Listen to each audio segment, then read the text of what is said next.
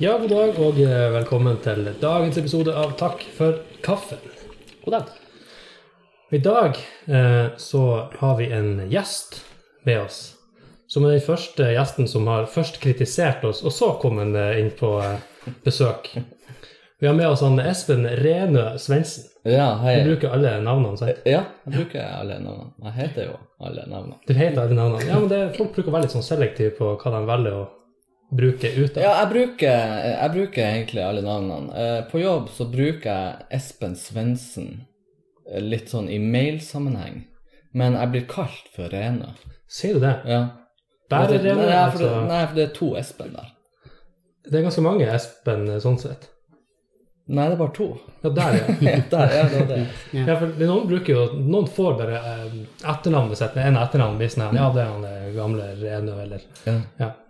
Nei, jeg liker, jo, jeg liker jo å bruke alle navnene, men uh, Renø er kanskje hakket mer eh, sjeldent og unikt på et vis. Ja, det er Så- Jeg tror ikke jeg har hørt det før. Nei, jeg hadde tenkt å spørre deg litt om det der senere. Ja.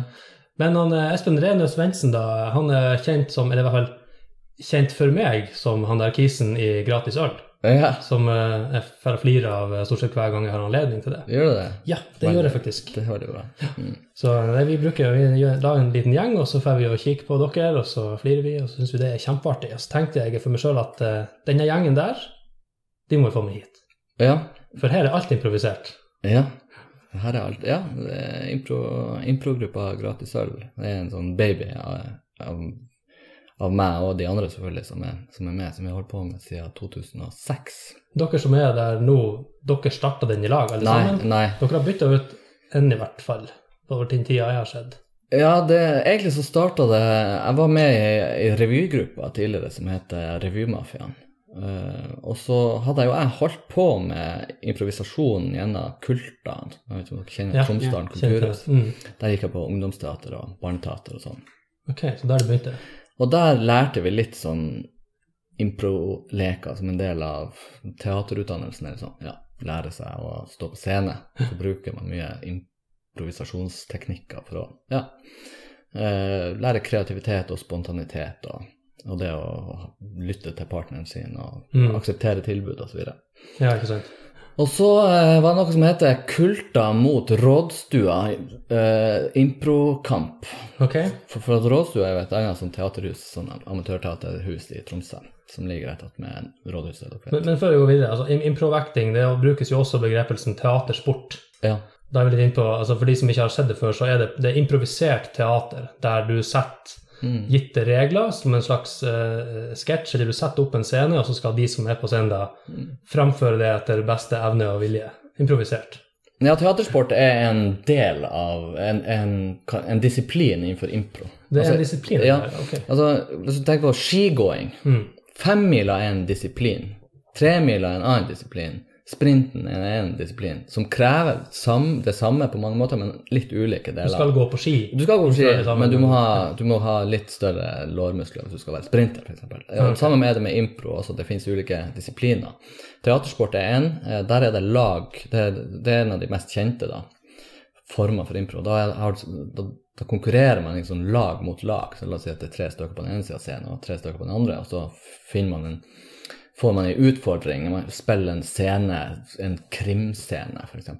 Og så, så må de, begge lagene gjøre det, det, og så vinner på en måte den som gjorde det best. da. Eh, Og da er, jo, da er jo forberedelsen lik null. Og, man, ja. Ja, og da henter man gjerne Man, man har det i bunnen, at det skal være en krimscene, og så Ja. henter man noe fra publikum også. sånn at det er alltid basert på et eller annet forslag fra publikum. Eh, Gratis øl spiller en, en form for noe som heter gorillateater, der det er om å gjøre å kåre kveldens beste regissør. Ja. Da, har, da er, det, da er vi, vi er liksom en gjeng på tre, tre til fire eller fem stykker som, som setter opp hver sin scene. Og så Ja. vi, skal kåre publikum liksom, hva Det jeg var sett. artigst. Men hva gjør dere med de poengene? For de blir jo veldig sånn eh, søkt. Ja, det kan vi gjøre med dem. Skriver dere dem ned liksom, på bakrommet? Det- Har dere register og eh, Excel-ark der det står hva, Nei, nei, hva altså dere har etter de ulike? Jeg vet ikke om dere har sett uh, Whose Line Is It Anyway noen gang? Selvfølgelig. Ja, der er det jo, der, det er jo De sier jo at det er the show where the points don't matter. Yes. Men da får det- dere likevel poeng og sånn. Ja, vi får poeng, men vi kan si. Det er for det, det, det er for å skape et konkurranseelement inn, inn i teatret som gjør at publikum forholder seg til det på en annen måte. Du, du legger til et spenningselement.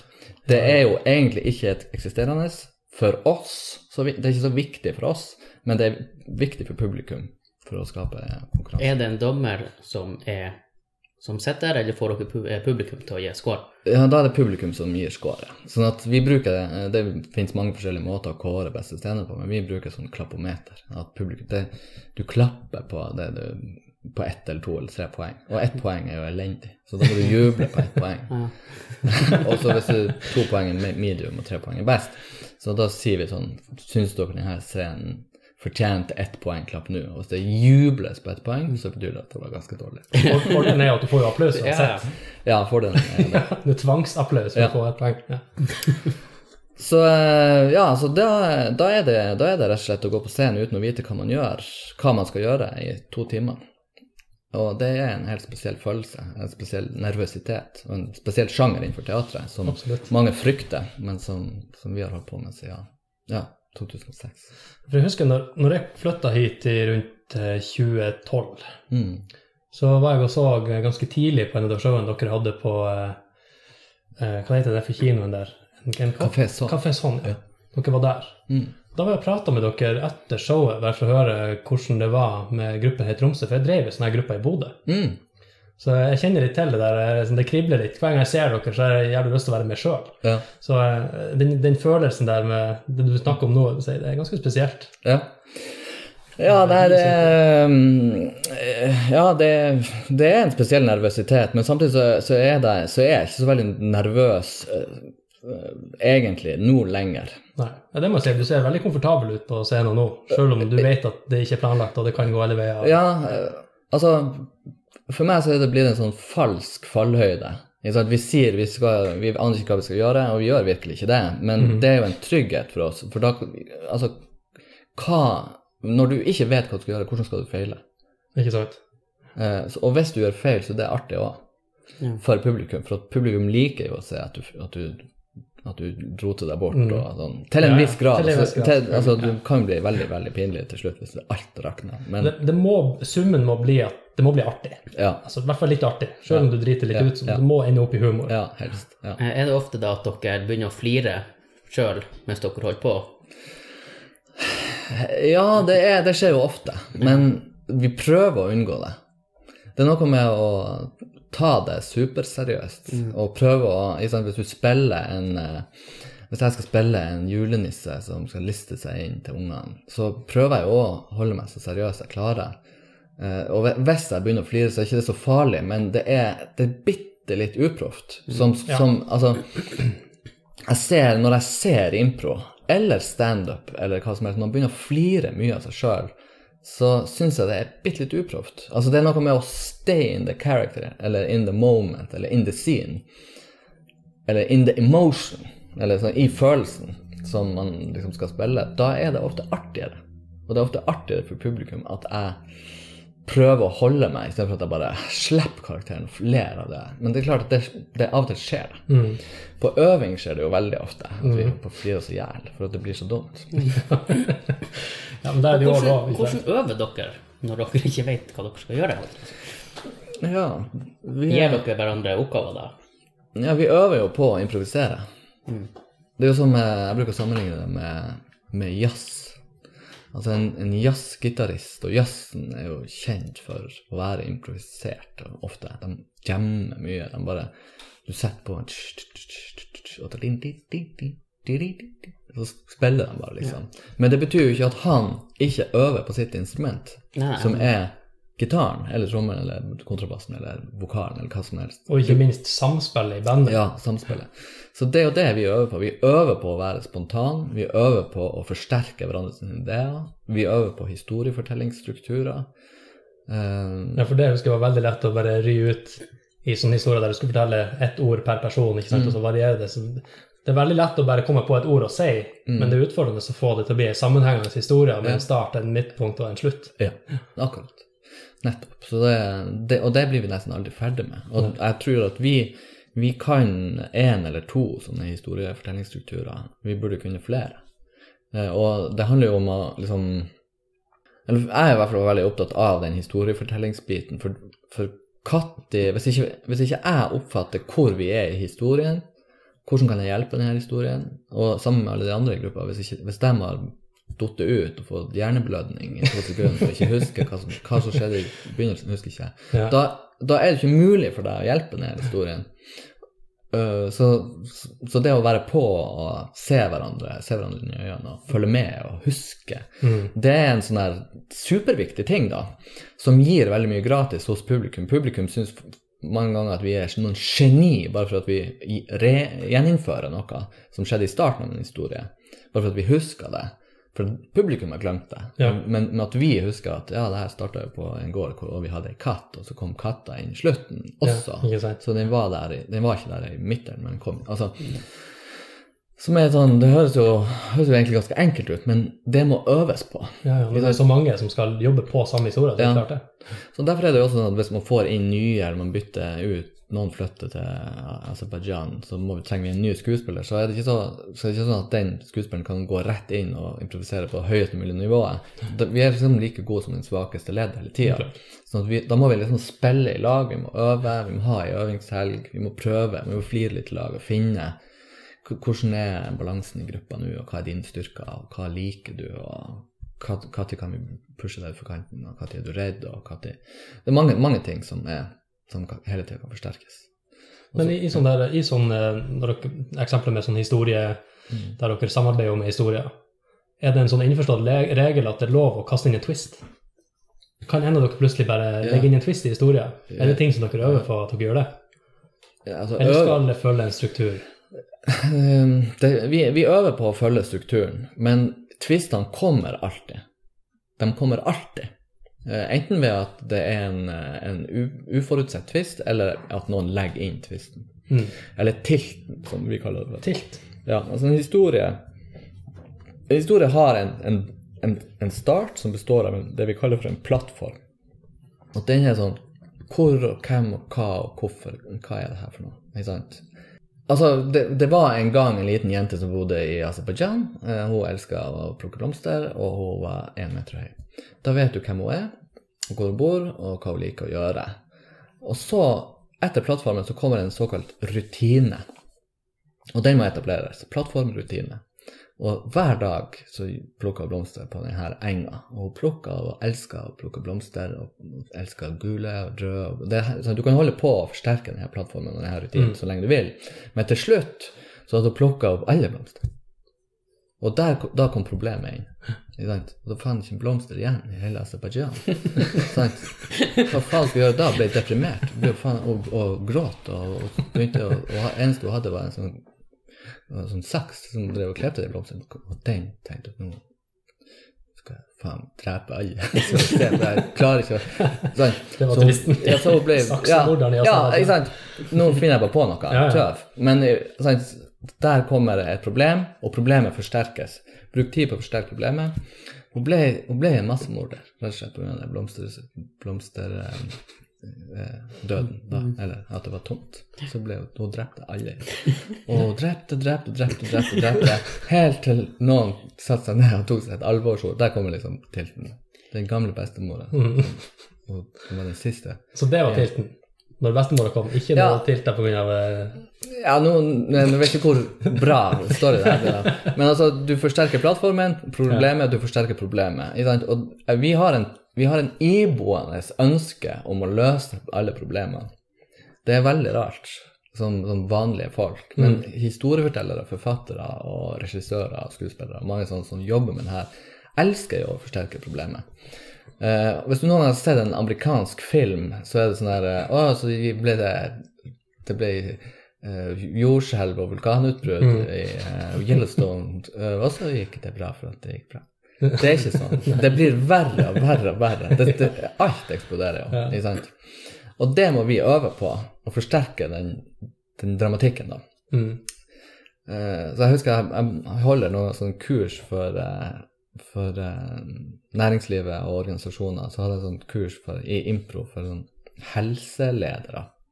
Ja. Altså folk som tar sånn videreutdanning sykepleiere, overleger og sånne folk på sykehuset. Og så tenkte jeg ok, nå kan dere fortelle en liten historie fra Nå finner vi bare på en historie fra, fra sykehuset, da. La oss si at det starta på eh, i gangen i inngangsdøra. Det er en fyr som har knekt foten og blør. Han har, han har liksom knekt hele hofta der. Og det, han, ja, det er jo ve veldig, veldig farlig. Hva skjer så? Ja, så kommer vi, og så tar vi han inn, og så redder vi han. Ja, nei, nei, nei, nei. Ikke i denne historien. Vi har jo akkurat snakket om at vi skal forsterke problemet. Men de, det er det de gjør. Mm. Men det hadde jo blitt en veldig kjedelig historie. Det var en mann som knakk foten, og så gipsa vi ansiktet. Bra. Ja, det er en kjedelig historie. Eh, og så, ja. Han knakk foten, og det viste seg at alle var gått hjem fra sykehuset. Da har du plutselig Han var helt alene en gang, og han måtte Ja, da, da står du inne i et problem som er litt Helvete. Ja, men da, sant, da er du inne i et, um, i et problem som er dramatisk. Du, ja. Så det er så, sånne ting. Det diskuterer vi, og det øver vi på å bli bedre på hele tiden. For det som er en del av eh, eh, det, som, det som er viktig, det du må tenke på i sånn her, sånn som du holder på med improv, er jo at mye av det du gjør, må være litt sånn slapstick. Altså det må være mye fysikk. Du er nødt til å bruke teatret. At det, det blir fort sånn at når man er opptatt med å tenke på historier, man skal drive og huske på ting og tang, så blir man ofte bare stående og huske og tenke og snakke. Så det, det er helt egen. Ja, altså å få det ut i mimikk. ja, ja, altså det, Vi kaller det for å bli for verbal. Mm. At vi blir bare stående og prate med hverandre. Og det er også veldig lite action i det. Eh, Så det er noe som heter 'ikke prat om det, gjør det'. Altså ikke prat om at du skal gjøre det, gjør det. Show, don't tell. Ja. Show don't tell, på et. Og da utfordrer, eh, utfordrer man jo det fysiske i, i, i teatret. Så eh, det å øve på f.eks. scener uten, eh, uten dialog, for eksempel, kan være en ting vi gjør på, på øving. Ikke for at vi skal gjøre det så veldig mye på show, spille sånne stille mimeleker eller, eller, eller sketsjer der det ikke blir sagt noe, men for at vi skal kunne gjøre det hvis det oppstår. Eh, For dra, drama eh, eksisterer jo fortsatt, selv om Altså hvis du klarer å etablere en, en person som er irritert på meg for et eller annet, eh, så er det, ikke, så er det mer interessant å få meg til å dra ut av det hva det er, enn at du forteller hva det er med en gang, på et vis. Mm. Det er klassisk sånn der eh, kvinne-mann-problematikk. Skulle egentlig si- Ja. tenkt å si det. Er la være. Er noe galt? høre på. Nei, det er ingenting galt. Med en gang så har du en sånn tension. Ja, Med mindre du sier «Ah, ok, fint. ja, ja. Ja, for dere hadde jo en sånn scene eh, sist jeg var så dere. Da var det jo eh, strikking i ei badstue. Mm, Og der var det, så vidt jeg husker, ingen ord som ble utveksla. mm. Det var mye kroppsspråk og irritasjon om hvem som satt på hvilken plass, og hvorfor kom hun der inn som egentlig tilsynelatende ingen likte at var der. Og, ja. så, det var veldig bra. Ja, men ikke sant. Det var, det var mye latter på den, den, eh, den, akkurat den scenen der. Ja, var. Jeg husker den godt. Så, og det er jo det er også en sånn greie at du må være trygg på at du trenger ikke å si noe bestandig. Er, du, du improviserer fortsatt en scene, og du har mye å spille på i, kropps, i kroppsspråket og i ansiktet som, som, um, som egentlig bare dialog kan fort ødelegge. Så jeg satt jo på scenen der og tenkte jeg håper Eller når, når Agnes da kom inn og liksom også skulle strikke den badstua, så tenkte jeg ok, jeg håper hun skjønner nå at her, vi skal ikke si noe. Og heldigvis gjør hun det. Hun kunne jo fort ha ødelagt det ved å si sånn 'Hallo, hvordan går det?' Og så hadde vi liksom bare Det hadde ikke vært noe. Nei, det er sant. Men samtidig så er det også en sånn felles forventning og sånn referanseramme som vi prøver å etablere på scenen. Altså, hvem er det som snakker med hverandre i badstue? Veldig sjelden, kanskje noen gang, at man sier sånn Åh, fy faen, det var varmt'. Ja, det var det er forskjell hvis det er en kompisgjeng som kommer inn i badstua, Ja, ja. eller hvis det var en offentlig badstue der bare setter folk i bare ballene og skuler på hverandre, så er det ikke så mye snakking som skjer. Nei, ikke sant? og da er, da er jo det, da er det noe publikum kjenner igjen. Mm. Ikke sant? Jeg, de fleste har vært i badstue. Du har vært på, på en svømmehall eller i en offentlig badstue og gått inn der og satt deg ned. Du, ja, det er jo akkurat som å sette seg på bussen, på et vis. Du, Ja. Du bruker samme fjeset, liksom. Ja. Det her sure du bruker det sure fjeset og ser det fram. og. Ja, ja. Så strikker Men du litt. eh, hvordan, eh, begynt, hvorfor begynte dere f.eks. med denne badstua og strikking? Hva det var som Hva dere hadde slags stikkord? Nei, da, da, da var det en av de andre som, som spør publikum, eh, så, så sier de f.eks. sånn OK, jeg har lyst til å sette, jeg har lyst til å sette opp en scene som handler om en sånn klassisk hobby. Og så er det noen som roper ut strikking, og så tror jeg det er noen som roper ut ta badstue også. Ja. Og så sier du bare ja, ok, jeg vil se en scene der det er strikking, og badstue er en del av denne scenen. Og da er det en utfordring. Én, to, tre, vær så god. Ja. Gå på scenen, gjør noe. Og da er jo jeg, jeg, Da går jeg på scenen, og så prøver jeg å etablere hvor vi er. Hvem var hvor? Jeg begynner hvor. Så jeg starter i en dusj. Mm. Jeg dusjer litt, jeg vasker meg. Alle skjønner at han er i en dusj. Han er naken, det er litt artig. og så går jeg, åpner jeg døra og går og setter meg inn i badstua. Da er det tydelig at jeg, nå er vi i badstua. Så jeg har fått det fra publikum. Ja, da er det det jeg etablerer. Det er jo ikke noe vanskelig. Og så tar jeg fram et strikketøy, og det blir veldig mye latter i salen eh, for at han strikker badstue. Men det var jo det de spurte etter. Det var jo det vi fikk. Ja. Og så Så egentlig så de skal jo ikke flire av det, for at det er jo jo, men folk Det, det er gjenkjennelse, en av de viktigste pilarene i humor. Altså, jeg kjenner igjen at han er i badstue. Hvor artig det er. Ja. Sikkert noen som bare 'Jeg kjenner meg igjen er strikking i badstue'. ja. ja. Og så blir det litt weird ikke sant? eh, at det er strikking i badstue, men Sikkert noen som gjør det òg. det er sikkert noen som gjør det. Altså. I hvert fall etter den Ja. scenen. Ja. Men eh, mens vi ennå er inne på temaet eh, improv Du har to deltakere på scenen, Mm. og den ene blir tatt ut av eller muta, eller hvordan man gjør det, så får den andre beskjed får da et miljø eller et område eller et, eller annet plass den er. da. Mm. Eh, Så blir den personen tatt ut, og neste er man inn igjen, og så får han sitt miljø, men de får ikke vite hvor de er. Ja. Du har vært borti den. ja, ja, vi har jo spilt den to siste showene, tror jeg. Ja, At de tror de er på to forskjellige plasser, men de får ikke vite det. De, de, eh, vi kaller det for to rom. Altså, det er to skuespillere som får hvert sitt rom. Han ene får en, en, en postfilial, og den andre får en en barnehage. Og så har den ene et helt tydelig mål, han skal poste et brev, og den andre har et helt annet type mål, han skal få denne ungen til å sove. Men da får de, får de målene òg, da. Nei, det, enten så får man det, eller så lager man det sjøl. Altså, det er en del av å etablere liksom, hva Ja, er det jeg skal. Det har jeg ikke sett hos dere. For det, det som dere var, Den vi brukte å gjøre, det var at du hadde du, de personene, skuespillerne, fikk lov å velge sjøl hvilken rolle eller funksjon de hadde i det miljøet. Mm, For eksempel så hadde vi ene fikk da fengsel, mm, og andre fikk dyrehage. mm, For det var greit at de miljøene ligna litt. sant? Begge to har bur, mm, begge to har noen som drar og sjekker til ting. ikke sant? Og så skulle de på en måte kunne velge sjøl. Han ene han valgte da å være dyrehagevokter, den andre valgte å være fengselsvakt. mm. Så når han i dyrehagen kom inn og sa ja, kan ikke du gi de her bananene til den apa der, så begynner han som jobber i fengselet, og kan, vi kan ikke kalle dem for det, selv om de er fanga i fengsel. liksom. Men, Man har jo ikke noe bedre enn banan å gi dem, men ja, vi får bare gjøre det i dag. liksom. Det er litt stramt på budsjettet. og sånn. Mm. Så akkurat det har jeg ikke sett hos dere. hvis Jo, dere- jo, vi har gjort det i det siste. Det er ikke sikkert at vi har gjort det akkurat når du har vært der, men vi, vi, har, vi har gjort det i det siste. Det er veldig gøy. Ja, det syns jeg er kjempeartig. Eh, og det er også sånn, der kommer også inn sånn statusting. Altså, vi, nå, nå virker det som begge de to dere hadde, var, hadde lik status. Begge hadde litt sånn lik rolle. Det fikk de velge sjøl. Ja, Ja, ja. hadde de det. Ja. Og da blir det konflikt med en gang.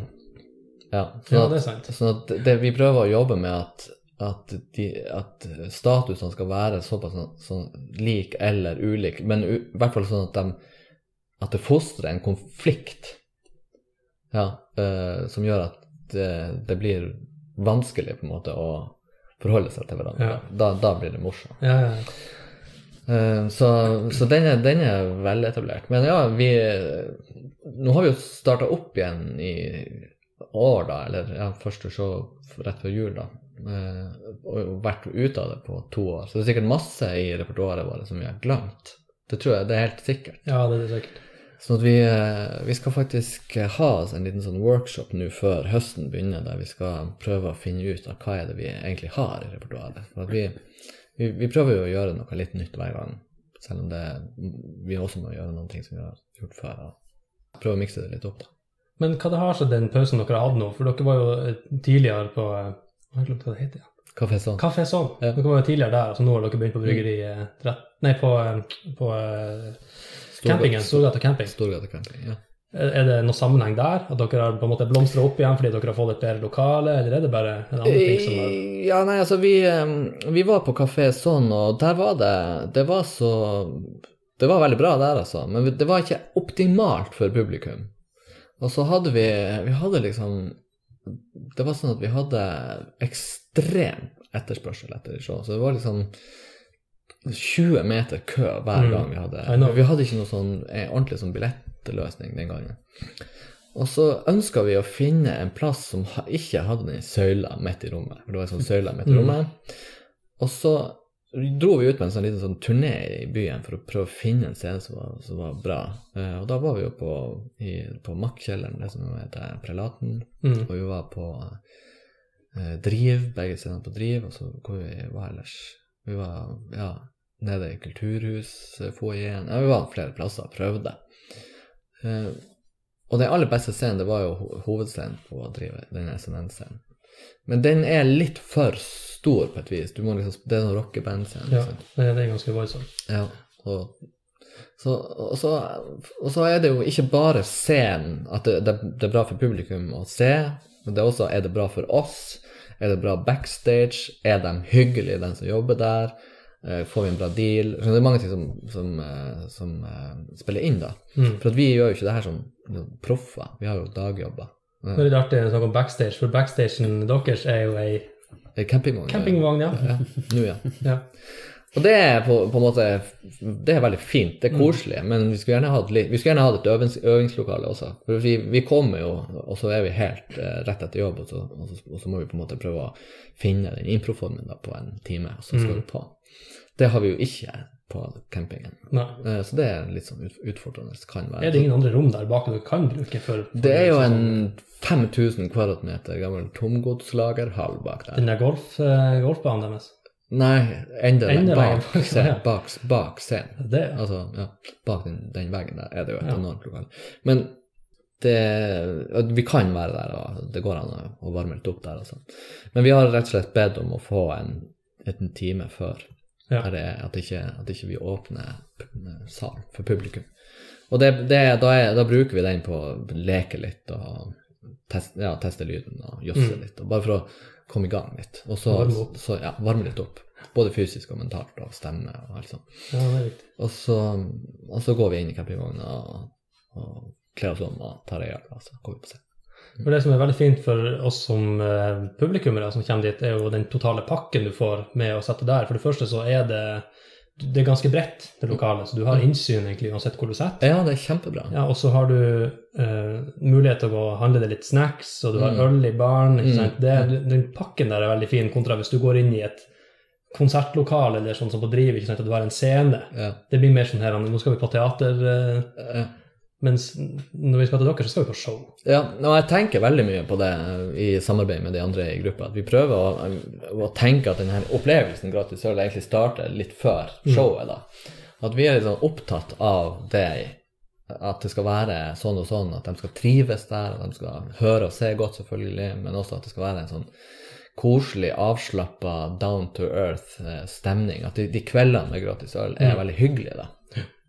Eh, og, så, får jo showet bli som det blir, for det kan vi liksom ikke planlegge 100% at det blir veldig bra. Men, eh, så det, det kommer uansett å gå litt opp og ned, men at vi kvalitetssikrer resten og billettløsning og, og den avtalen med publikum, at de slipper ikke inn før klokka sju uansett, og hvis det regner surt, surt for deg, men sånn må det bare være. Men at det er liksom klare avtaler på ting, at sånn er det.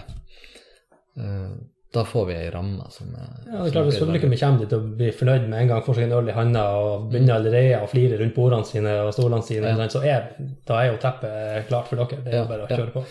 Ja, det er en win-win, egentlig. Og så har vi faktisk fått til å ha litt sånn oppvarming nå før showene våre. Det har også vært en suksess, da vi har hatt band og enkeltstående musikere som Ja, har spilt en sang. Og forrige gang hadde vi en sånn dansegruppe. Ja. Så det håper jeg at vi får til å gjøre også til høsten. Det er ikke sikkert vi får det til hver, hver gang, da, men, men eh, det, også det har vært litt sånn populært greie. Ja, det var artig. Mm. Det var jo en, eh, han, eh, Tore Bruvold var jo her, og så rett et, ganske nylig, eller ganske rett etter det, så var han jo på show med dere. Ja, Så han hadde en sånn turné. Ja, han Tore Bruvoll har jo vært eh, gitarist sammen med oss mange ganger. Og han kommer jo fra det her eh, revymiljøet og har spilt veldig mange mange, sjangre hele livet Mm. sitt. Så han er jo veldig sånn sjangertrygg. Eh, og det er jo veldig viktig for oss. For vi, vi spør jo publikum ofte sånn hvilken type sang skal det være. Og da får vi et eller annet. Og da må han kunne spille det, og vi må helst kunne synge det. Ikke sant? Så ja. Men hun, hun Agnes, Mm. eh, hun var med og dansa sist. ja. Er, hun, er, det en, er det hennes dansegruppe, på en måte, eller ble hun bare med dem i andre Ja, altså? Too Late, uh, too late Dance Crew, Ja. Uh, det er jo uh, Det er ei venninne av oss som heter Ingrid Leite. Derav Too Late. Ah, ok. Som egentlig var med i Revymafiaen i sin tid, og som har, men som før det også har vært sånn danser. Danselinja, sikkert. Og, Mm. og har drevet med dans også når hun har bodd i utlandet. Og, og kommer hjem og liksom blitt mamma og styrt masse. Sånn, og så, og så hun hadde liksom en sånn drøm om å danse litt på lavt nivå. Ikke, jeg tror ikke de har noen ambisjoner om å liksom, komme på TV eller danse for noe sånt. Michael Jackson, han er død forresten, men noen ja, skjønner du, sånn proft.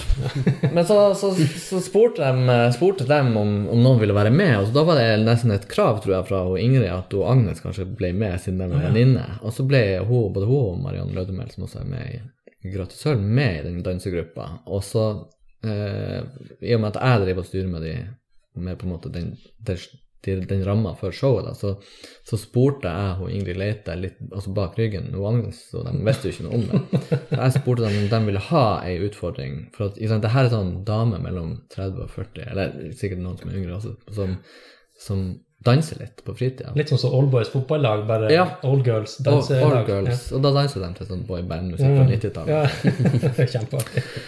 Og så, så spurte de vil dere ha et mål, kom, og så får dere tre minutter før gratis øl den eh, 20.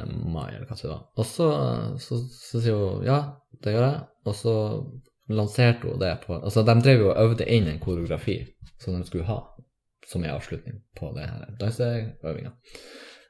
Da ble det avslutninga på den danseøvinga. Etter åtte uker, eller hva det var. Og da, gikk de, da var jo de skitnervøse, de her tøttene. Og hun eldste da var jo sikkert 45, liksom. Mm. Og aldri dansa foran noen. Ever. Ja. Det, Så det, det gikk jo bra, da. ja, dritbra. høvelig synkronisert. Ja, veldig bra. Og kult. Så det der var en supersuksess. Men det, var, det som var litt artig, var jo at eh, hun Agnes og Mariann, de, de var liksom sånn Ja, yes! Nå er det, endelig klarte vi å synkront, liksom fem, fem for forestillinga, og så går det opp for dem. Å ja, vi skal jo ha et improshow etter det her, som var i to timer. Det har vi ikke tenkt på. Så de gikk jo på scenen og varma opp for seg sjøl, og så var det liksom rett av scenen, så rett på scenen. Så Ja, Sprekt, da. ja, veldig bra. Ja, det var jo kort og godt om eh, Ja, jeg har jo vært kjempeimplosiv. Har jo nesten ikke sagt et ord. Kom igjen, si et ord. Eh, ja, eh, jeg ser du har en eh, GoPro med deg. Ja, det var litt spesielt. Jeg måtte kommentere når du kom inn i gangen her med GoPro-en framme, at Ja, eh, ja. for du var litt sånn skeptisk til hva du egentlig hadde meldt deg på her. Så om det var voldtekten du skulle dokumentere, eller Nei da, Nei, jeg tenkte hvis de skal drepe meg, så skal jeg i hvert fall filme det. Sånn at jeg har, har, Har bevis. Har, har bevis.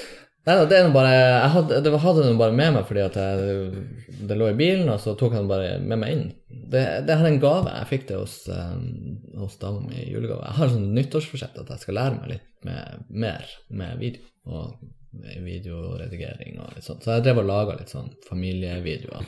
Påskefilmen. Skjønner du? Pappa, helg ungene. Så de heter det, det titler på filmen. Ja. Påskefilmen. Så egg som klekkes, og kyllinger som kommer ut. Og... Ja, ja, det er akkurat det. Ja, kult. Så jeg, jeg, påskefilmen, da festa jeg Da laga jeg sånn der um, skattejakt for uh, ungene. Han, gutten min han er fem år, og så hadde han et sånn søskenbarn med seg ut som også er fem år. Så laga jeg sånn Du er sånn, du finner et kart, og så står det sånn hint. Du må finne dette greia der. Så må de regne ut at ah, dette er, kanskje det, det er tre der oppe, eller som står der oppe på toppen. Og så festa jeg GoPro-kameraet på gutten min, og så sprang jeg rundt, og så opp til treet, fant det nye hintet, ned til gravemaskinen, opp til trillebåra, opp under dekket på bilen. Og så var, skulle de liksom finne masse bokstaver og, og sette det her sammen til et kodeord. Og når de hadde satt det sammen til kodeord, så skulle de si kodeordet og få liksom godteriet. Mm.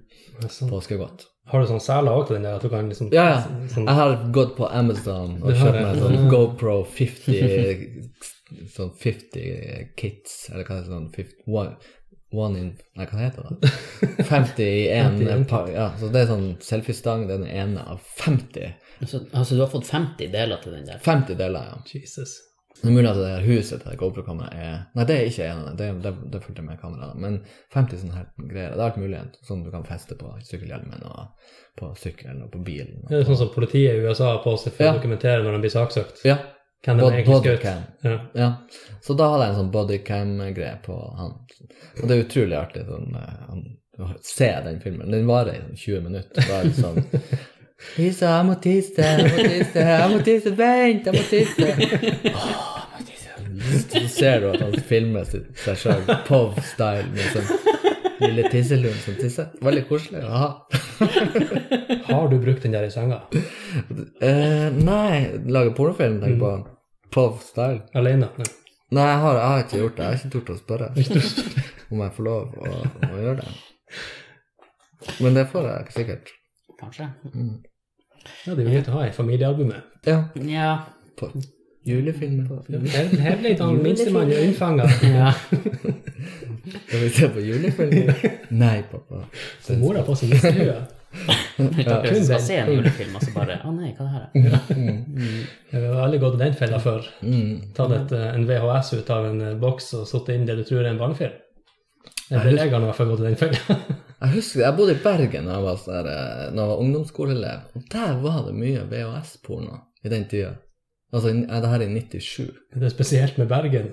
Jeg vet ikke, det var, det var veldig lite av det i den, i den om, omgangskretsen jeg vokste opp med. Det var liksom ingen som visste hvis foreldrene hadde noen sånne pornofilmer i stua. Men i Bergen, alle hadde pornofilm på VHS. Ja. Og I, det, i videohylla. ja, Ja. ja, seriøst. Så i det, i hvert fall i det området jeg bodde. Med ordentlig merking, sånn at det faktisk det sto at det var porno 1 og porno 2. Ja, det, det husker jeg ikke, men jeg husker at vi Tre nøtter til Askepott, og så var det Jeg husker, at, jeg husker, jeg husker ikke at det var merka sånn, men jeg husker at det var at han ene kompisen min der nede hadde sånn VHS Foreldrene hadde sånn VHS-hylle. Veldig rart. Den tid er forbi. Men du, du har bodd i Bergen, da? går jeg fra? Jeg si det? Jeg var kylling på ungdomsskolen, altså første året på ungdomsskolen. Da bodde jeg i Bergen, ja. Ok, Men du er egentlig fra Tromsø? Jeg er fra Tromsø, ja. Tromsdalen. Uh, og, men, og bodde bare ett år i Bergen, da. Og opp, oppdaga porno. Så flytta jeg hjem. Nå flytter vi hjem. Det er så rett. Jeg flytter hjem. Ja. Mm. Nei, Bergen var Det var veldig fint på et vis. Eh, altså Foreldrene mine gikk fra hverandre i den tida. at mamma flyttet til Bergen og studerte. Så, så flytta jeg og jeg etter det, og så bodde jeg der og begynte på ungdomsskolen. Det var ganske sånn hardt, egentlig. Eneste nordlending i, Mm. i den der eh, Bergen vest. Det er litt sånn eh, Han Harry Hole og de her krimheltene, altså den der detektiven, Mm. vet, han, han drev jo og arresterte mye folk i det nabolaget som jeg bodde i. Altså det var mye inspirasjon henta fra det der området sånn. som jeg bodde i. Så det var sånn, I Tromsø så hadde du kanskje sånn på 80-tallet sånn Kroken, veldig sånn belasta miljø. Ja. Der var det jo Det var Myra-området og Hetlvik Bergenskroken, altså. ja, bare selvfølgelig mye verre. Bare blokker, bare sånne sosialboliger og sånne ting. Og jeg bodde jo i sånn lavblokk. Det var jo veldig fint der vi bodde, da, men, men jeg måtte jo alltid gå igjennom det her skumle området. Mm. Og, og fotballbanen lå der. Uh, så jeg må huske at jeg måtte slåss litt. Grann. Men du var i god form da? Måtte springe mye til og fra dit du skulle? Nei, ja, det, må, altså, det er jo bare bakker. Tromsø er også en bakkeby, men Bergen I helvete hvor mye bakker det er. Og kom, faen hvor mye det regner. Så du gikk jo opp og ned i regn i et år sånn, og slåss. Vadebukse vade opp gjennom gaten, motstrøm og greier. Nei, så det var litt sånn hardt miljø. Jeg husker det Sandgotna ungdomsskole het det. Da, måtte man, da husker jeg jeg måtte slåss flere ganger for å, for å hevde meg sjøl. Liksom, hva faen, hva faen er du? Helvete, faen, nordlending. Klinka jeg ned, så ble det fred ja. Det ble stilt. Ja. Så angrep var det beste forsvar. Du slo først. Nei, det gjorde jeg ikke, men uh, jeg måtte slå tilbake. Du måtte slå mest. Det slå mest. ikke om du gjør det først, du må få gjøre det slå mest. Ja, fortest. Hardest. Bite litt. Mike Tyson. Og så kom du tilbake til eh, Tromsø. Ja, så kom jeg tilbake til Tromsø, og det var egentlig litt fordi at uh, den her gjengen som, eller den vennegjengen min, eh, de begynte jo med skolerevy. Altså, altså Tromteatret uh, på Tromstun ungdomsskole, det var jo noe jeg hadde drømt om i mange år om å være med på. Og det fikk jeg jo ikke være med på i Bergen. De hadde ikke det sånn type miljø der, da. Men i hvert fall ikke på den skolen. Så mye av grunnen til at jeg flytta hjem igjen, var jo på grunn av, av det. Skulle være med på revy. Det var sånn at de ringte og så bare Vet du hva, nå får vi noe revy her oppe. Unnskyld, revy! Ja. Så på. Så, Nei, eh, nei, altså, jeg fikk jo sånn Jeg fikk jo sånn jeg Fikk jo litt sånn lengt når, når jeg prata med de kompisene mine, og de fortalte om hva de holdt på med, og hvor kult det var. Sånn. Så det var jo også en sånn del av, av den scenebiten, da, at, at jeg begynte med det. Så um, ja. Men det var ikke noe sånn galt med Bergen, bortsett fra, bortsett fra at jeg, altså jeg fikk jo masse venner der også, men Det var ikke det at du rømte fra Bergen, det var det at du rømte til Tromsø. ja, på et vis. Ja. Eh, og starta med eh, Tromteatret og Tinntrollrevyen, etter hvert Revymafien og Gratis øl og sånne ting. Så jeg har holdt på med det egentlig siden ungdomsskolen. Mm. Da har du funnet din nisje her i, Ja, det er jo en hobby, verden. Ja, det er en hobby. men hva du gjør når du ikke gjør det her, da? Hva du tjener penger på? Uh, jeg, jeg jobber i Nordlys, Nordlys. så jeg, jeg er kreativ leder på kommersiell side. Så vi jobber med reklame. Produksjon og distribusjon av reklame gjennom Nordlys og andre kanaler. Da. Så da, da kommer dere inn til meg, så har dere et eller annet problem. Ofte at dere har solgt, må trenger å selge mer produkter, eller at dere må, skal eh, formidle et eller annet som har med men som kommer fra en sånn kommersiell bakgrunn. Lyttere, for eksempel. Vi trenger flere lyttere. Hvis dere vil ha flere lyttere, da må dere jo ha et budsjett, først og fremst, som dere vil bruke på det. Det er vi fri for. Det er vi fri for. Ja. Ja. Men hvis det kommer med sånn ereksjonsproblemer og sånn der, kan vi komme til deg da? Eh, det er derfor jeg har kamera med. Hvis jeg skal filme. Setter det opp, så ordner jeg tar jeg, tar jeg den ned. Da monterer du det på den personen, og så får han beskjed om å gå hjem og dokumentere prosessen. Ja. Ja. Og er problemet ditt over 24 timer. Det er jo en sånn vits jeg bruker. Det er jo to måter å bli kvitt en ereksjon. Det ene er å vente. Ja, det er sant. Ja, det var, da er vi tilbake igjen. Ja. Daniel har vært på do. så vi fylte opp koppene våre. Mm. Og så eh, tenkte jeg skulle høre, for at jeg, har jo, jeg måtte jo gjøre litt research uh, før du kom hit. Mhm. Eller det vil si, jeg stalka det litt på Facebook. Mm. Det er jo det som er research i dag. Ja. Og så så jeg jo det at det sånn her, eh, ikke profilbildet, men det som ligger øverst, det her han, eh, Hva de kaller det? Det som er sånn bakgrunnsbildet på Facebook. Mm. Der er jo du i lag med to andre på Lunheim standupforening. Mm. Er du med i Lunheim standupforening? Nei, men jeg var med og starta det. Og det, ja. Mm. Akkurat. Ja, For jeg lurte litt på hvorfor ikke du og Daniel kjente hverandre, siden han er i Lundheim nå. Ja. Men da forklarer jo det saken. Ja. Nei, altså Standup var Altså, jeg bodde i Australia en periode, og så jeg veldig mye impro, så jeg veldig mye standup. Og jeg, hver gang jeg så alle de her tingene her, spesielt de standup-kveldene og på sånn klubbnivå, så tenkte jeg sånn Å, herregud, det her kan jeg gjøre bedre. Fy faen. Jeg skjønner, det sitter liksom å 99 av publikum er jo sånn der at han burde ha sagt det. Ja, men altså, jeg har jo holdt på med, med, med revy veldig lenge, og teater. Litt film. Jeg har vært programleder på TV. Jeg har gjort veldig mye impro. Jeg har ikke gjort standup. Hvorfor det? Det Jeg har, jo jeg vet, jeg, vet, jeg vet jo at jeg ville mestra det på et vis inni meg. Så, eh, så kom du hjem til Norge, Norge og hadde en sånn veldig sånn tydelig plan på at det, det skulle jeg gjøre, men sant, livet skjer, så at du, du får ikke gjort det du har tenkt å gjøre for at sant, livet. Og så, men så kom, kom noe, så flytta Roy Arne til byen. Han hadde bodd mange år eh, i Fetnes. Og så flytta han Torsken. Torsken. Fetnes, som jeg sier. Jeg tror han har vært fisker i Fetnes. Han sier rådmann i Torsken, men det, Det er ikke sant. Det er ikke det sant. De har ikke rådmann i torsken. Nei da. Ja. Uh, han var fettoter på Fetnes. Det var det. Nei, nei, så, så flytta han til byen, så begynte vi å snakke egentlig jeg snakket med han, og så hadde vi, hadde vi en sånn eh, plan om at faen, det her må vi få til. Eh, og så begynte vi nå å ha noen liksom kvelder der vi, der vi inviterte liksom venner, blant annet Alexander Martinsen, og mange andre også. Det var mange involvert i starten, jeg tror det var seks-syv stykker. Og så førte det, og diskuterte vi at hva vi, skal vi gjøre det, og hvordan skal vi gjøre det, og fant på navn, Lun- Lundheim Standup-forening. Jeg husker vi så, vi mente at vi måtte ha et superlokalt navn. det hadde vært litt artig. Så ble det Lunheim, fordi at det er ingenting som det er ingenting som kom ut av Lunheim, egentlig. det eneste de har, er at de bor rett attmed Tromsdalen. Det var liksom det eneste de hadde å, så, å fare med, da. Så da Kroken var liksom den belasta 80-tallslegendebydelen. Så vi valgte da Lunheim og lagde fane og navn og plakat. Og så etter hvert som den prosessen gikk fram, så, så var, viste det seg at det var mange som ikke ble med, da. Eller torde å bli med. Men målet var, for meg var hele tida å uh, For at når du var så på sånne standup-show, klubb, sceneshow, så var det et par gode og så et par dårlige som fikk sånn, eller sånn nye rookies da, som fikk sånn fem minutter. Og jeg tenkte på, jeg er ikke en rookie. Og Arne tenkte også, han har jo også holdt på med sceneting hele livet. Jeg er heller ikke en rookie. Jeg vil ikke, jeg vil ikke, jeg vil ikke starte på noen sånne her femminutter på en standup-klubb fordi at noen eier den. Vi lager det sjøl. Jeg, jeg skal starte med 20 minutter. Jeg skal debutere med det, og jeg skal ace det.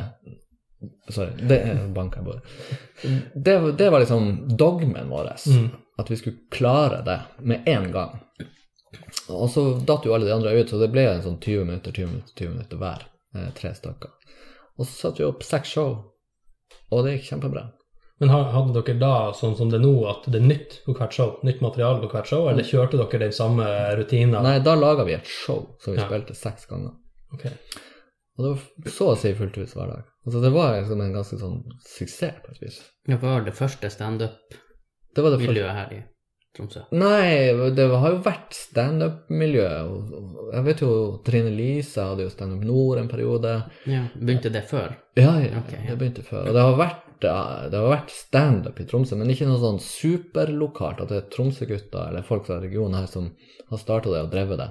Ja, Bortsett fra Trine Lise, da. Men hun hadde jo kanskje en annen modell som var litt mer lik sånn som den vi snakka om, at det var eh, to gode og to rookies og sånne ting. Men men det jeg, hadde, det jeg hadde lyst til å lage, var jo en sånn et, egentlig et miljø eller et sånn band som, som samarbeider om å lage humor. Uh, litt av modellen til revymafiaen, at du var liksom et sånn et team, eller et gratis øl, da. Du var et sånt team som, som gjerne kunne ta og rekruttere nye, men da kunne man hjelpe hverandre med, hverandre med tekstene, sånn at det var litt, litt mer kvalitetssikra da, før, før man gikk på scenen. For at altså, dårlig standup er jo helt jævlig. Ja, Helt det er jævlig. bare klint. Og, hvis, og så er, altså, jeg aksepterer helt fint at folk tester ut nytt materiale på scenen, men er det ikke testa på noen andre før det?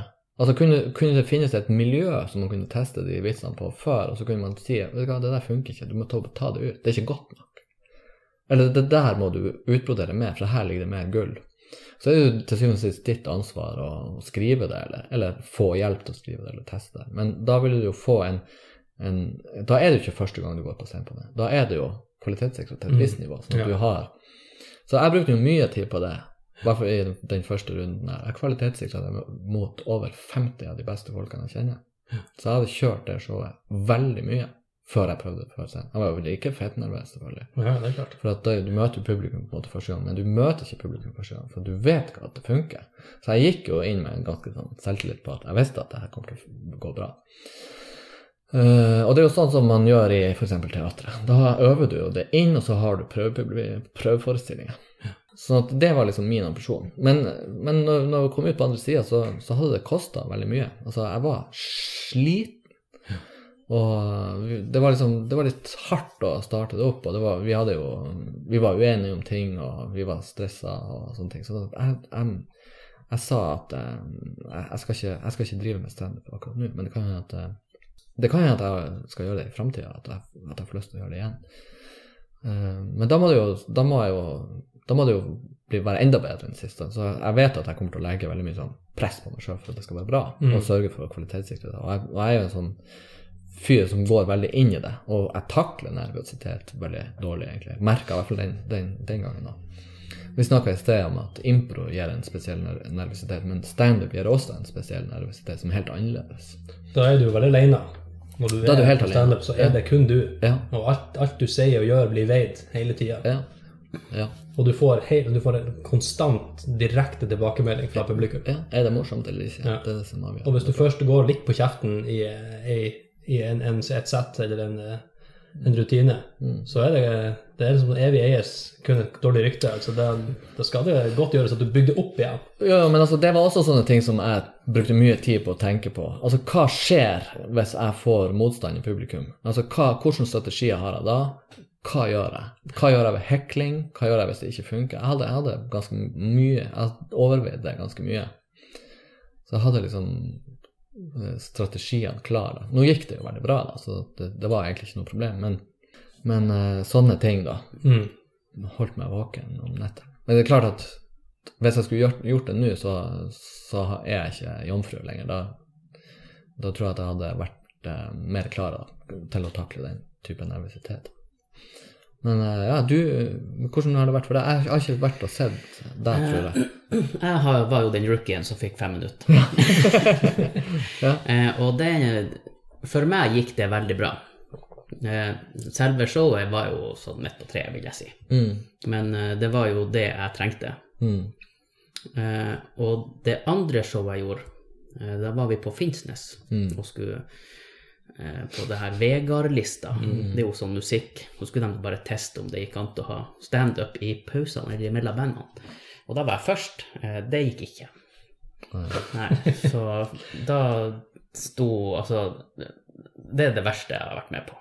mm. Så for alle gangene har jeg tenkt Det er det verste du har vært med på i livet? liksom? Nei, ja, ja, men sånn standup-messig. Altså, okay, ja. ja. Nei, det er helt grusomt, selvfølgelig. Ja, og, så, og da har jeg tenkt at hver gang jeg skal gå på, så bare Ja, nei, men det blir jo ikke verre enn Finnsnes. Mm. Ja, det, sant, da har du lært noe på det. Ja, Ja. for, og den var også veldig viktig for meg, kjente jeg. Er veldig glad for at det gikk så jævlig dårlig der andre gangen. At jeg ikke fikk kommet meg så høyt før jeg smalt i bakken. Ja. Ja. Jeg husker han, eh, han som drev det der, mens jeg sto og snakka, så var han på scenen også og holdt på med sett, vet du. Og, og, og trommesett og gitarer og mikrofoner. Og rigga og- Og folk ville jo snakke med hverandre. Så hadde jeg jo noen flotte venner som trodde at det var like på musikk, så de kom jo helt frem til meg og sto. Så det var jo grusomt. Men det der, det der, altså det der handler jo litt om eh, Sånn som vi snakka om i sted, at jeg er litt opptatt av ramma rundt showet vårt på Gratisøl og Trom, Tromsø camping der på Storgata camping. Det er superviktig. Og eh, hvis dere kom inn i ei ramme som ikke støtter dere, så er du fucked uansett. Eh, og det, det, det, det må man bare unngå for alt det. Da har vi jo lært det, da. Ja, det, må vi faktisk ha kontroll på. Mm. jeg- Gratis ble jo leid inn til Festspillene i Nord-Norge et år, der vi skulle spille ti forestillinger på rad. Eh, og vi skulle starte klokka tolv om natta på Festspillkroa. Og spille ti. Nei, å spille ei forestilling Ti Ja. dager på rad. Okay, ti dager på rad. Vi starta, vi starta liksom på søndagskveld klokka tolv om natta. Eh, du skal spille fra tolv til ett. Og den første kvelden så, eh, så var det jo full Full party der inne liksom, klokka tolv. Og så skulle vi gå på scenen over det og spille. Total katastrofe, fiasko. Ikke sant? Eh, det var, det var altså de to første rad, det var, det var stappfullt i lokalet. Det var 150 stykker der inne på det Ludo bar og scene, hva, hva det heter. Og 20 stykker følger med. ikke sant? Det gikk, dem, de syntes det var kjempebra, men så klart at resten av lokalet er dritings og følger ikke med, og fester og danser og kjøper shotter og skjønner. Og det tar jo litt bort fra dere, da. Det litt bort. Ja. Og så neste dag, da, hadde vi jo, da kalte vi jo inn han der festspilldirektøren inn på teppet og sa sånn Det her holder ikke. Altså, for det første, musikkmessig så må dere spille noe sånn jazz som er helt i bakgrunnen. Sånn at om vi kommer på scenen, så kommer vi over musikken. Sånn uh, jazz. Ta vel imot gratis øl! Forestillinga er her, dere må følge med. Sett dere ned og hold kjeft. Mm. Ikke sant? Den, den måtte vi bare være supertydelig på. Og han, eh, festspilldirektøren, måtte liksom eh, instruere de folkene på Ludo bar. For de var jo bare interessert i å selge shotter. De tjente jo mer og mer penger på, på det sikkert enn at vi hadde forestilling. Men sorry, Mac, dere har leid oss inn. Så det må, vi må kunne bestemme rammen. Og, eh, og da, da ble det sånn den kvelden. Rolig jazz. Veldig sånn en person som guider folk inn og sa her skal dere sitte. Eh, Forestillinga begynner om ti minutter. Kjøp dere øl og gjør hva dere vil fram til da, men da begynner han å sitte. Supersuksess. Veldig bra. og det her, eh, impro var jo Altså, gratis øl var jo Vi var ganske Vi var i toppform da. Vi hadde jo festspillene, vi må være i toppform. Vi hadde øvd på forhånd, vi var samkjørt veldig bra. Så vi leverte ti shows på rad hver kveld, starta midnatt. Mm. Supersuksess. Stappfullt hver dag. Skjønner du? Hvor mange som bor i Harstad? Kanskje 30 stykker? Alle var der. 30 enslige mødre med chihuahua. Alle var der hver dag. Og fordi at det er så Det, det er så Det er så liksom down to earth, og det er lett å være der. Det er liksom bare impro og gøy, og man finner bare på. Så lett, lett og godt og artig. Ja. Men, vi må, men rammen er viktig. Så, og jeg vet at vi har eh, Nå hvis vi blir leid inn til private julebord eller sånn corporate gigs, For dere er åpne for det? så det går an. ja, vi, det gjør vi. Og da spiller vi sånn eh, 20 minutter i underholdning om hvis du jobber for Folkebladet, selv om du har T-skjorta med Folkebladet. Da handler det om Folkebladet. Så da improviserer vi om hvordan det er å være ansatt eller kunde eller sjef eller whatever i Du må ikke, du må ikke si at det er på meg, for jeg har stjålet den. Å ja. Det- Sorry. Nei, men, eh, Men da Sand- Sandvolleyballskole. Ja. Jeg var og spilte vo- volleyball sammen med noen som drev og hadde en sånn kampanje med noen sånn volleyballskole, og så Mm. spurte jeg kan ikke jeg også få ei sånn T-skjorte. Så fikk jeg ei sånn T-skjorte. Ja, go on. Du fikk ei sånn. Nei, men sant, da, da har vi en rider. Mm. Da sender vi en rider til eh, de her folkene. Dere må ordne en scene, dere må ordne lyd og lys. Det her er rammen. Det må være i backstagen. Det må være introdusert på forhånd. Vi er ikke en overraskelse for noen. For, det, for Hvis du ikke styrer den biten her, så er det plutselig sånn Å ja, vi har ledig gratis øl. Og så har alle bare lyst til å drikke øl og pule og fingre. hverandre og sånn. Så det, for det er det man gjør. gratis, det er derfor dere heter gratis. øl. Ja, men det er jo gratis øl. Ja, er- Men altså, folk er ikke der for å se underholdning, med mindre du har sagt nå blir det underholdning snart. Om fem minutter så blir det underholdning. Da er folk åpne for det. Så derfor må vi programmere publikum til det. Ja, det er Og det var de, det, sånn som dere var på den her Ja. eh, Vegard-lista. Ja. Det var ingen som var interessert i standup. Og Derfor så gikk det til helvete. Det var ikke din feil. Nei da, det tenker jeg ikke heller. Nei. Nei. Eh, men eh, det her med å bli leid inn og være en overraskelse, det føler jeg er litt sånn at yes, eh, det blir ikke bonus i år, Mm. men vi har leid inn de her karene som skal underholde dere. De har fått de pengene, da. Men eh, kos dere. Ja. Det blir litt mm. Ja, det er ikke det de er der for å Nei. gjøre. Så, så er du her. Ja, ok. Men det er faktisk eh, veldig bra, artig. Vi har hatt masse suksess med det også. Men jeg har jo, eh, jeg har jo sett litt i nyheten, Mm. og så tenkte jeg vi kunne se på noen eh, overskrifter, fordi at vi bryr oss ikke om egentlig hva saken handler om. Mhm. Eh, og da har vi Nå trykte jeg på soveappen min. Jeg skal ikke sove ennå. Har du soveapp? Ja, den er vekkerklokkeappen. Den registrerer også hvor mye jeg beveger meg og snorker og sånne ting i løpet av natta. Så jeg kan måle min egen søvnkvalitet. Mm. Nok om det. Det høres kjempeinteressant ut. Ja. Det er altså ei nettavis KV. Jeg er litt usikker på hva det sto for igjen nå. Husker jeg nå. Men uh, for bildet av en politimann står det 'politiloggen', kolon, 'fyll, slåssing, hytteinnbrudd og to fulle menn som kanskje stjal øl'. Å ja, han, han var usikker på om han hadde drukket det sjøl, så han liksom blamer noen andre. Det er muligens at de stjal det her. De, var- Ja, ellers er det de to fyll- fyllikene som ikke er sikre på om de stjal det. Var ikke det her vårt? de har drukket og glemt det. Mm. Det- Det kommer inn politiet bare Du, vi, vi tror vi har stjålet øl. Hei, jeg tror jeg har gjort noe galt i helga. Jeg tror jeg har stjålet noe. Det, om, det her, om alle de her henger i hop, om, de- om de har vært full og slåss og brøtt seg inn i ei hytte og kanskje stjålet øl Jeg synes det var artig, det var ikke en sak om dagen han der på Ringmester, eller hvor det var han som hadde gått og tatt seg en dusj i feil hus, og vært på nachspiel i feil hus. Det er nydelig. Det, er- det er faen fantastisk. Ja, altså sånn der som eh, bare gikk og la seg i et hus en plass. Ja. I senga til Så kommer liksom eieren hjem og bare Ok, her ligger det en kis som er full og naken i senga mi. Ja. Men hvordan kommer de seg inn? Det er jo åpne dører på landet. Du går jo bare inn og legger deg. Ja, ja. Du, altså, du har ikke noe, det er ikke noe som låser døren på Ringvassøya, liksom. Ja. Men jeg kjenner ikke alle, alle på Ringvassøya. Jeg har, jeg har en kompis som, eh, som gjorde det samme. Han gikk jo inn i den eh, Det her var Tromsdalen. Han gikk inn og satte seg i en stol og sovna. Og her var en stor mann med skjegg som gikk inn til 90 år gamle dame og satte seg i en lenestol og sovna.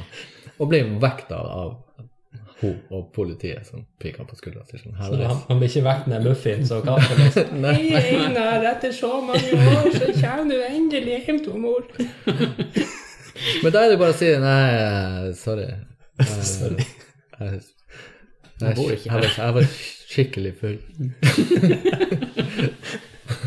Jeg husker, jeg husker en gang jeg, jeg og en kompis vi hadde sånn um, Han Alex som starta Ja. Running.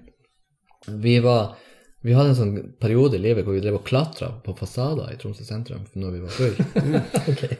Og da klatra vi på taket og satt der og tok seg øl og flirte og peka ned på folk.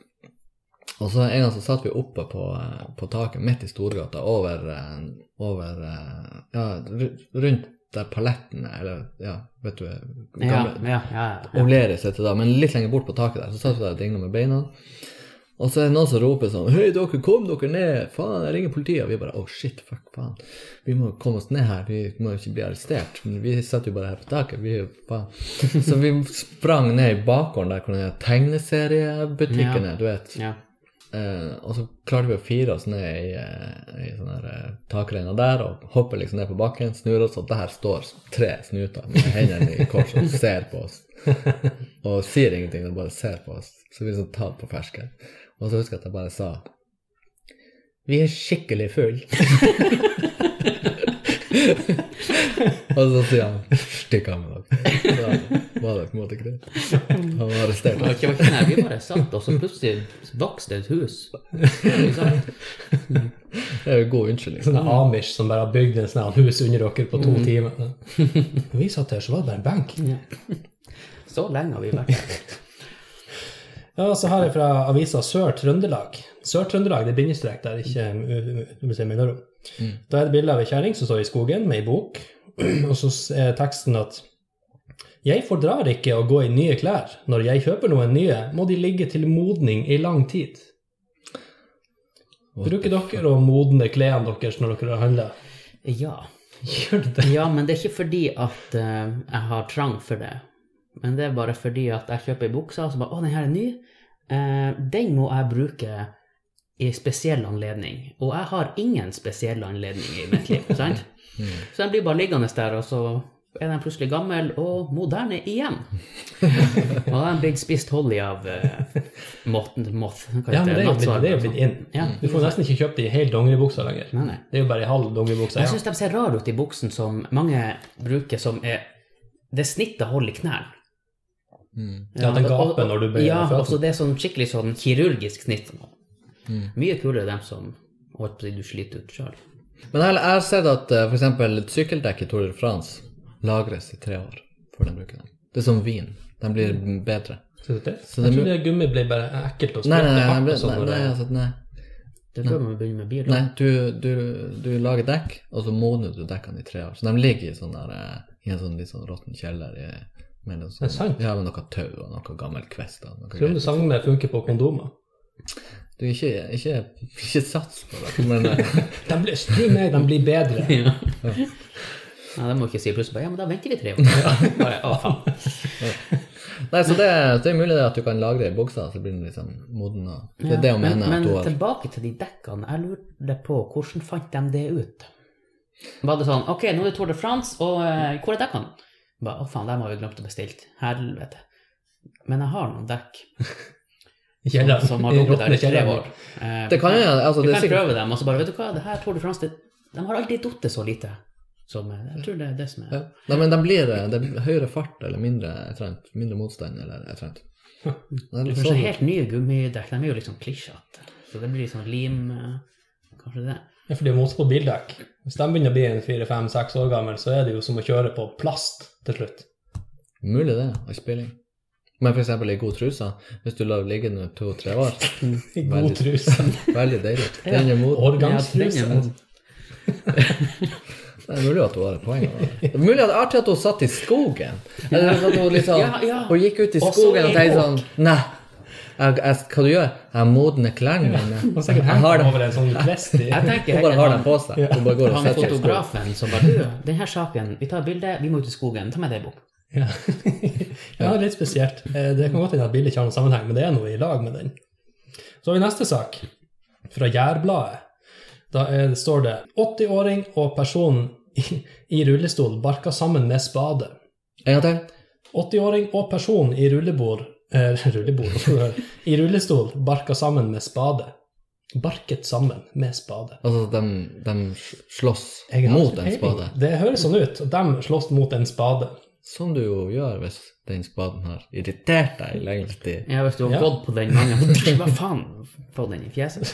Jeg ser for meg det som hvis to folk begynner å slåss, og så ser den ene at der ligger det et potensielt våpen. Det er en spade. Mm. Hvis den ene personen av de sitter i rullestol, det der kappløpet mot den spaden, Mm. og så Er hiver han seg ut av det rullestolen for å få tak i spaden. Er det artigere hvis det er en elektrisk rullestol, eller Nei, det er artigere når han må febrilsk Det er artigst med hvis han andre skyver han. Men er det her nyheter fra sånn i det siste, eller er det, Det er- må jeg sjekke. Det For vi er jo inne i agurk. ikke Ja, det er veldig agurk. Det er, jeg er usikker på dato. Det står ikke her. Jeg leste i dag den nyheten som heter 'Ny hylle på Prix'. Fra Salangen Nyheter. Den er, det er jo skrevet bok om det med han, eh, Johan Golden og han Atle Antonsen. Jeg skrev en bok som heter 'Ny hylle på Prix'. Så det er jo en sånn, det er jo en sånn agurknytt som har gått viralt. da. Og det er fantastisk. Bare søk på det. Ny hylle på Prix. Eh, der er det sånn Der er en ny hylle på Prix. Eh, Det var eh, eh, et eller annet et setra som leverte den på fredag, og den står rett attmed brød, brødene. og det er som en nyheter i lokalavisen. Så det er nydelig. Ja. Jeg, skulle, jeg har lyst til å lage, jeg jobber jo i Nordlys, men jeg skulle ha laga en sånn underavis som bare drev med sånn supersmå nyheter. Ja. Faen meg en ny løvetann i rundkjøringa på Havfjordnesgård. Ingen har sett den før, og du kan være ikke her i går. Jeg lurer på om den kom, han er kommet nå i natt. Noen har planta den. Og det er ingen som bryr seg. Mm. Hva sier det om statusen til den nye løvetannen? Altså, liksom. Kanskje sånn, dere begynner med en sånn egen spalte for agurk kun. Men det må være litt sånn Samtidig så må det være saker som fins. Altså, det Ja, ja. må være noe som faktisk ja. eksisterer. Man Ja. Det må ikke være fake, helt, Nei, eh, nei fake ikke news. fake news, men agurk-news. ja. Real agurk-news. De har jo Jeg vet ikke om dere følger den badesken. Det må dere gjøre på Instagram. Jo, jeg lurer på om det er han som jeg har fått det fra, faktisk. Oh, ja, ok, ja. Han er jo helt fantastisk. Han er Ja, Badesken. Ja, det er han som har eh, de her. Anbefaler alle som er glad i i lokalaviser. Så Altså. slipper vi å ha de her nyhetsgreiene. Jeg har faktisk Kjerringa mi som tipsa meg om det i dag. Ja, det er helt fantastisk. Det var veldig bra. Så det blir, der blir vi å dra inn litt sånn eh, Mm. i framtidige episoder. Mm. Men eh, du fikk jo eh, advarsel om å forberede tre korte, usannsynlige historier eller opplevelser du har hatt. Ja. Det skal være løgn. Stemmer ikke det? Ja, og da skal dere prøve å sniffe vi, meg ut da skal vi finne det ut, hvilken av de som er løgn.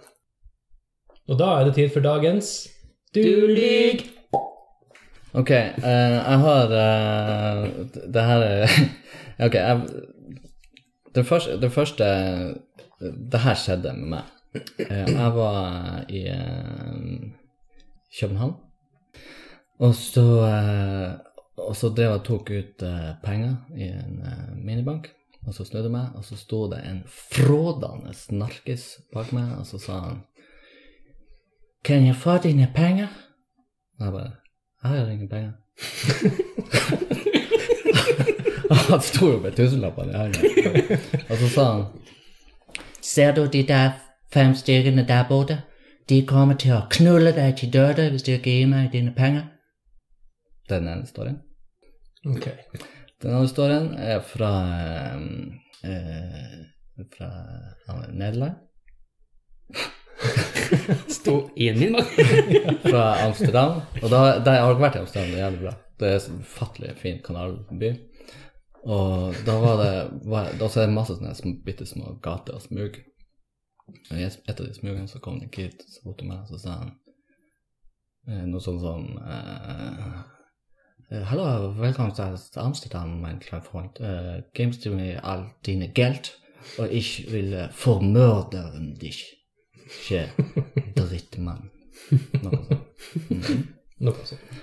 Og den andre var at uh, Den tredje. Den tredje Da var jeg i Afrika, uh, i Kenya, og kjørte en sånn bil i, om natta. Og så plutselig så stoppa den bilen, og så sa den uh, Get out of my tuk-tuk. Uh, you give me all your money, or I feed you to the crocodiles. Spennende liv du har. Du er en særdeles utsatt person. Jeg hadde veldig lyst at når du var i Danmark, og så sto han Frode Snarkesen bak deg, og så sier han Kaminoso. Det hadde vært kjempeartig. Ja, Mm. han sa ikke det. Nei. Akkurat. Ok. Så du tok ut Hvorfor skulle du ha masse tusen fra minibanken? Vi hadde vært på, det er en kompis som hadde vært på Roskildefestivalen. Og så eh, hadde vi hadde vi eh, Altså, vi hadde ikke noe sånn billett Vi var jo unge og dumme, så vi hadde jo ikke billetter hjem. Så vi måtte overnatte i København. Og da måtte vi ta Så hadde vi liksom vært på kino. Vi hadde sett skrekkfilm, forresten. Derfor. Vært på den Dawn of the Dead, jeg vet ikke om dere husker det? Ja. Super-sommerfilmer. Jævlig skummel, jævlig bra filmer også. Og så måtte vi ta ut eh, Skulle jeg ta ut penger. Bare for Altså, vi skulle betale for det. Vi måtte finne et hotell, og vi måtte ete, så jeg måtte bare ta ut penger. Og da var det en kis, selvfølgelig. Det her var jo i et sånn litt sånn shabby strøk nært eh, Jeg vet ikke om det var en sånn her bussterminalaktig sånn Du vet, det er mye sånn narkiser i sånne her områder. Og jeg, jeg tenkte ikke på det. Jeg var liksom 19 år. 18 år. Og gikk og tok ut Ikke så mye penger. 2000. Men det var, jeg var sånn svar skyldig når jeg snudde meg. Og han sånn, kan du gi meg noen penger? Og jeg bare sånn, nei, jeg har ingen, jeg har ingen penger. Han visste jeg sto jo der med pengene. Men jeg kunne ikke gi han 2000 kroner. Jeg, jeg kunne ikke, altså jeg hadde to tusenlapper. Så han, det han spurte etter, var jo liksom en, en tier, liksom. Men han trua meg på Bare livet. Litt i hjørnet. Ja. Mm. Okay, ja. Hva Når var det du var Men- i Afrika? Eh, Det var i 2004 eller 2005. Ok, så du var relativt voksen da. Nei, jeg var sånn 23 eller noe sånt. Det er jo relativt Ja, voksen. ja. Voksen her i forhold til Danmark. ja, litt eldre. Ikke så mye, men litt. Og da var vi i en, eh, da var vi i en eh, kystbyen i Kenya som heter Mombasa, som er en veldig sånn eh, det er en veldig liberal by. Altså, Kenya er jo litt sånn mixed. Det er både kristne og muslimer og sånn. Men i Mombasa så leste jeg i Lonely Planet at det var sånn her Ja, liberalt og lov å være homofil og helt greit å være ute. og Alt var helt greit. Men du er helt trygg. Helt trygg i Mombasa. Men ikke være ute når det er mørkt. Mm, For da blir du, da blir du rana.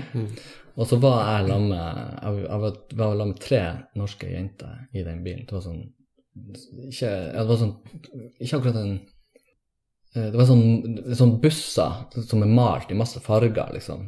Og så var det plass til sånn, masse folk i bussen, vi var sånn fire stykker. og Så, og ene der var fra var fra, var fra Norge, da, men hun kunne litt swahili. da, Hun var svart. Mm. altså Hun var som kom til Norge da hun var sånn, ja. lita. Så hun, hun var i den bilen, og hun sier til meg liksom sånn Espen, nå diskuterer de om de skal rane oss. Var to, to kisser. Og så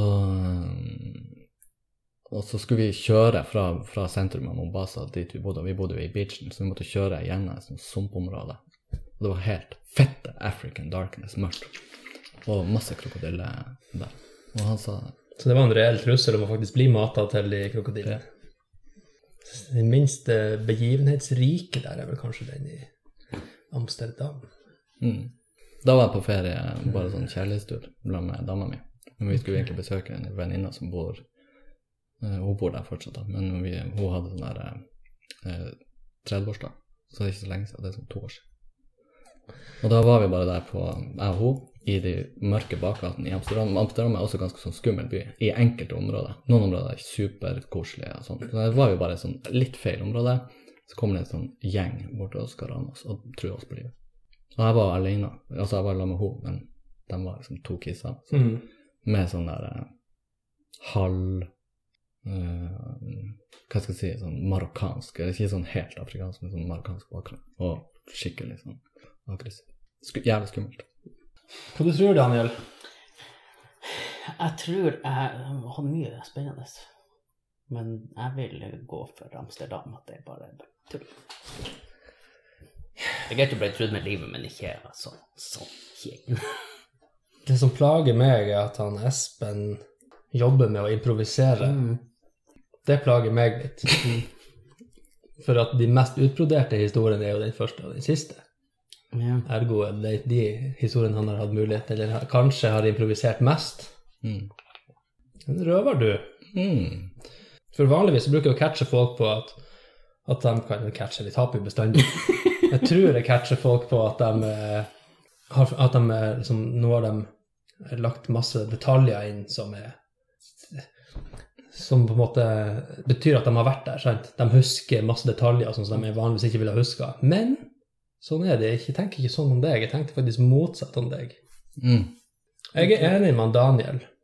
Jeg tror eh, av alle de plassene du har blitt rana, så var det ikke Amsterdam som er sant. Svaret er avgitt. Ja. Mm. Det er riktig. Dere, det er riktig. Det er Var det rett? Ja, for at, at det var liksom først var det én kis, og så var det en gjeng, og så var det to. Det catcha ikke jeg i det hele tatt. Bytta du på eh, Jeg vet ikke, det er mulig at jeg gjorde det. Ja. Det må jeg høre når jeg skal Nei, men jeg var to. Det var to. Mm. Ok, Det er en historie som ikke skjedde. Ok, riktig. Ja. Hvor du henter den fra? Rett ut av lufta, eller er det noen andre som har opplevd det? Eller? Nei Jeg har, vært i Amsterdam, da, men det, og det, vi så jo masse skumle folk. eh, På en måte sånn som kunne ha gjort det, men eh, det, nei da. Det skjedde ikke. Men vi bodde heller Vi bodde også i veldig sånn eh, Vi var jo inne i de skumle områdene også, men bare på dagtid. Så der vi bodde, var det bare sånn superkoselig kanalstemning. Men uh, jeg ser for meg at uh, det, det er jo folk som blir liksom kasta i kanalen og, og dør på den måten. For 2000 kroner. Mm, ja. Bra. Da vant vi for en gangs skyld.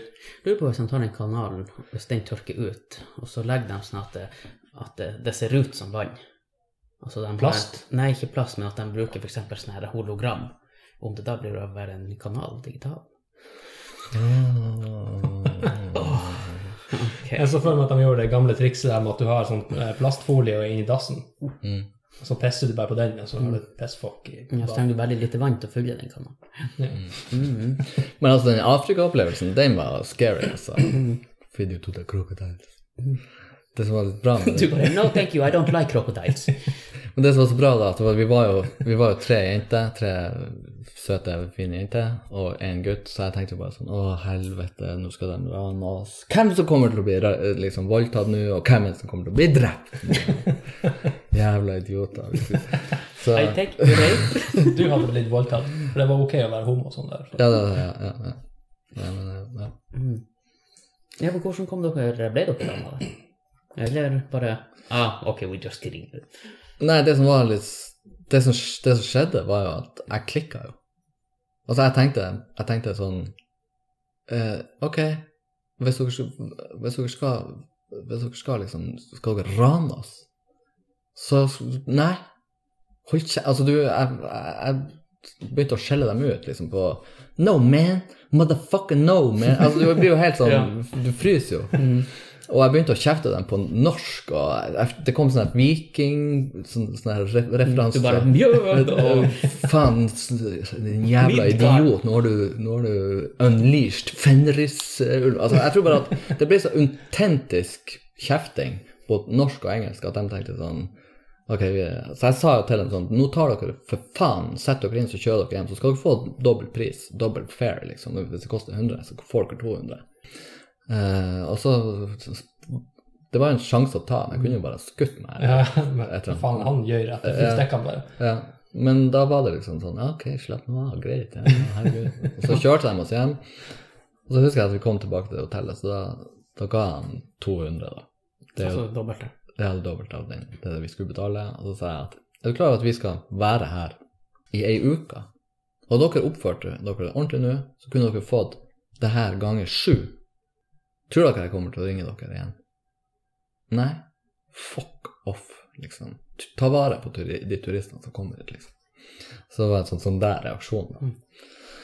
Mm. han sa da, ok, Mr. You're right. Ja, ja han, han, ja, han var jo sorry, liksom. Men det er klart at de Vet du kommer en gjeng med Altså, vi var jo ikke rike heller, vi var jo bare unge studenter som liksom var i Afrika. Men, men eh, de så på oss som en, en golden ticket til spenn. Så jeg kan skjønne det. De hadde jo ikke noen penger. De, men, men samtidig så er det jo noe med at hvis de hadde tatt vare på oss og kjørt oss. Og det, så hadde vi jo brukt det. For det er jo sånn, det har jeg inntrykk av at myndigheter rundt omkring i verden begynner å sette eh, litt sånn hardt mot hardt på, for å faktisk ta vare på turismen Ja, ja, ja. som genererer penger over tid. Det var jo altså Bloody Beach i, hvor det var, i Bulgaria sant? Myndighetene slår steinhardt ned på sånne her ting. Du, men eh, så, samme her også. Vi ser jo i Norge, i Lofoten og i Tromsø også, at folk begynner å bli irritert på turistene. og Vil ikke ha dem. Og, så da, da får du en annen dynamikk der. Men mens i de fattige landene så er det jo lur, lur turistene. Liksom. Det, det er jo det de gjør.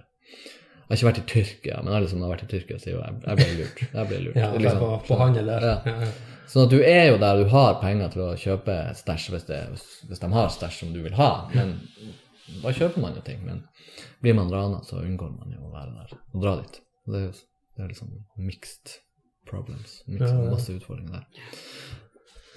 ja, med den lystige historien. Ja. Jeg feed you to the crocodile. Ja, så er det jo snart sommerferie, og folk skal ut og reise. Ja, nei, det var kjempetrivelig å ha deg på besøk. eh, Ja, det Espen. var veldig hyggelig. Ja, takk for at du kom. Alt jo. Så er resten av gjengen i Gratsøl også fortsatt invitert, hvis de ønsker det. Det kan du gjerne gå hjem og gjøre. Og fortelle om det var et helvetes liv, eller Ja. Ja. Og så må vi opplyse som vanlig om at eh, hvis dere ønsker å ta kontakt med oss, nå snakker jeg til dere, altså lytterne våre, om at hvis dere vil ha tak i oss, så er vi på takkforkaffen.gmail.com, så dere har sånn der e-post. Eller Eller- Facebooken. Facebooken. Der heter vi også Takk for kaffen. Takk for kaffen. For og ikke for. Mm. Mm. Jeg tror det er mange som har skrevet 'for kaffen', og så bare faen, jeg finner ikke de idiotene. Mm. Det er sikkert ganske mange. Men vi er jo idioter, så det, Det er sant. Ja. Du kan bare søke på 'idiot' på Facebook, så kommer vi opp. Mm. Det var det. Ja. Takk for i dag, og igjen takk for besøket, og takk for kaffen. Takk for kaffen. Takk for kaffen.